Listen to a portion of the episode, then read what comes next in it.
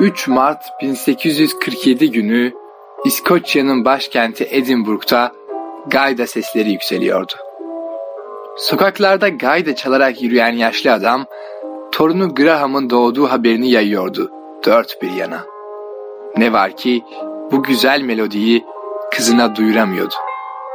Zira adamın kızı yani bebeğin annesi işitme engelliydi. Graham'ın babası çocuğuna işaret dilini öğretti. Annesiyle bağları hiç kopmasın diye. Graham'ın iki kardeşi veremden dolayı hayatlarını kaybedince aile Graham'ın sağlığına da bir zarar gelmesin diye daha iyi şartlara sahip Kanada'ya taşındı. Burada gerekli eğitimi alan Graham, babasının hayatını kaybetmesi üzerine onun yıllardır işitme engelliler için yapmaya çalıştığı projeler üzerine kafa yormaya başladı. Öyle ki dedesi ve babası işitme engellilere çare olacak fikirler geliştirmişlerdi. Ancak ömürleri bu fikirleri gerçekleştirmeye yetmedi ne yazık ki. İşitme engellilere duymasalar bile konuşmayı öğretmenin yollarını bulmak için çabalayan babasının çalışmalarını tanıtmak ve yaymak adına Amerika Birleşik Devletleri'ne gitmeye karar verdi Graham. Önce Ontario'ya, daha sonra da Boston'a yerleşti. Burada bir süre işitme engellilere dil öğretmeni yetiştiren okulda çalıştı. Daha sonra kendi okulunu kurunca ünü kısa sürede yayılan Graham, Oxford Üniversitesi'ne konuk öğretmen olarak davet edildi. Graham bu sırada Alman fizikçi Hermann von Helmholtz'un işitme fizyolojisine ilişkin bir kitabını okuyordu.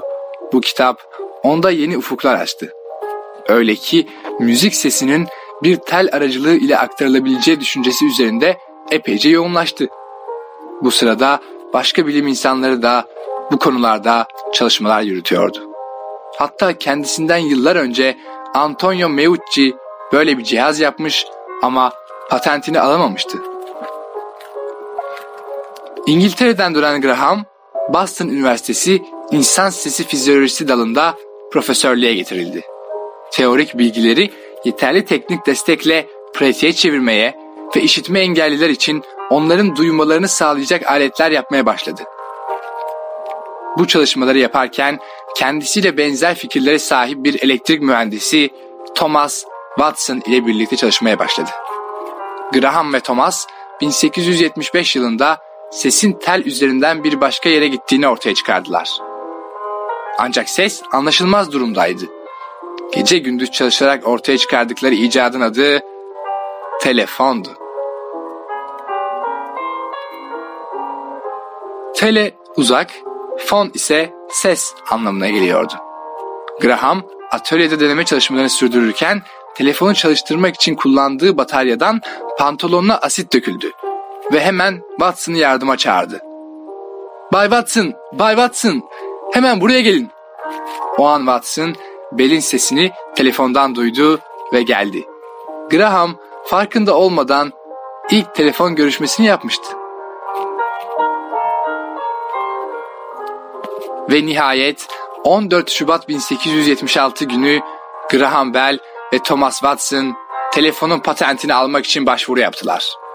Kabul edilip patent alındıktan sonra Graham Bell birçok önemli kurum tarafından onurlandırıldı. Fransa hükümeti şahsına insanlığa hizmet ve onur ödülü ve bunun yanında para ödülü verdi.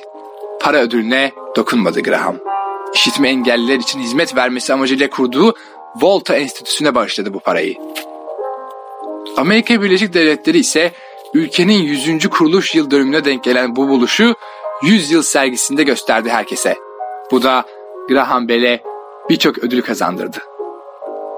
Kısa sürede New York sokaklarının telefon direkleri ve kablo hatları örümcek ağı gibi kapladı.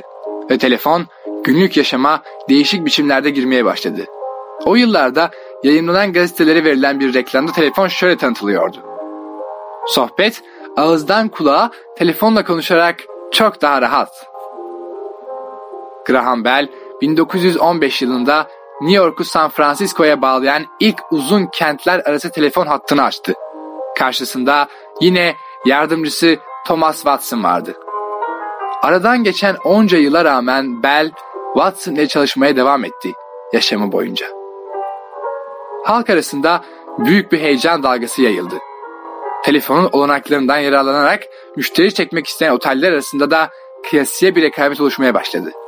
Oteller ünlü müzik, tiyatro, opera, konser salonlarına bağlanan telefon hattı ile aldıkları sesi lobilerinde oturan müşterilerine dinletmeye başladılar.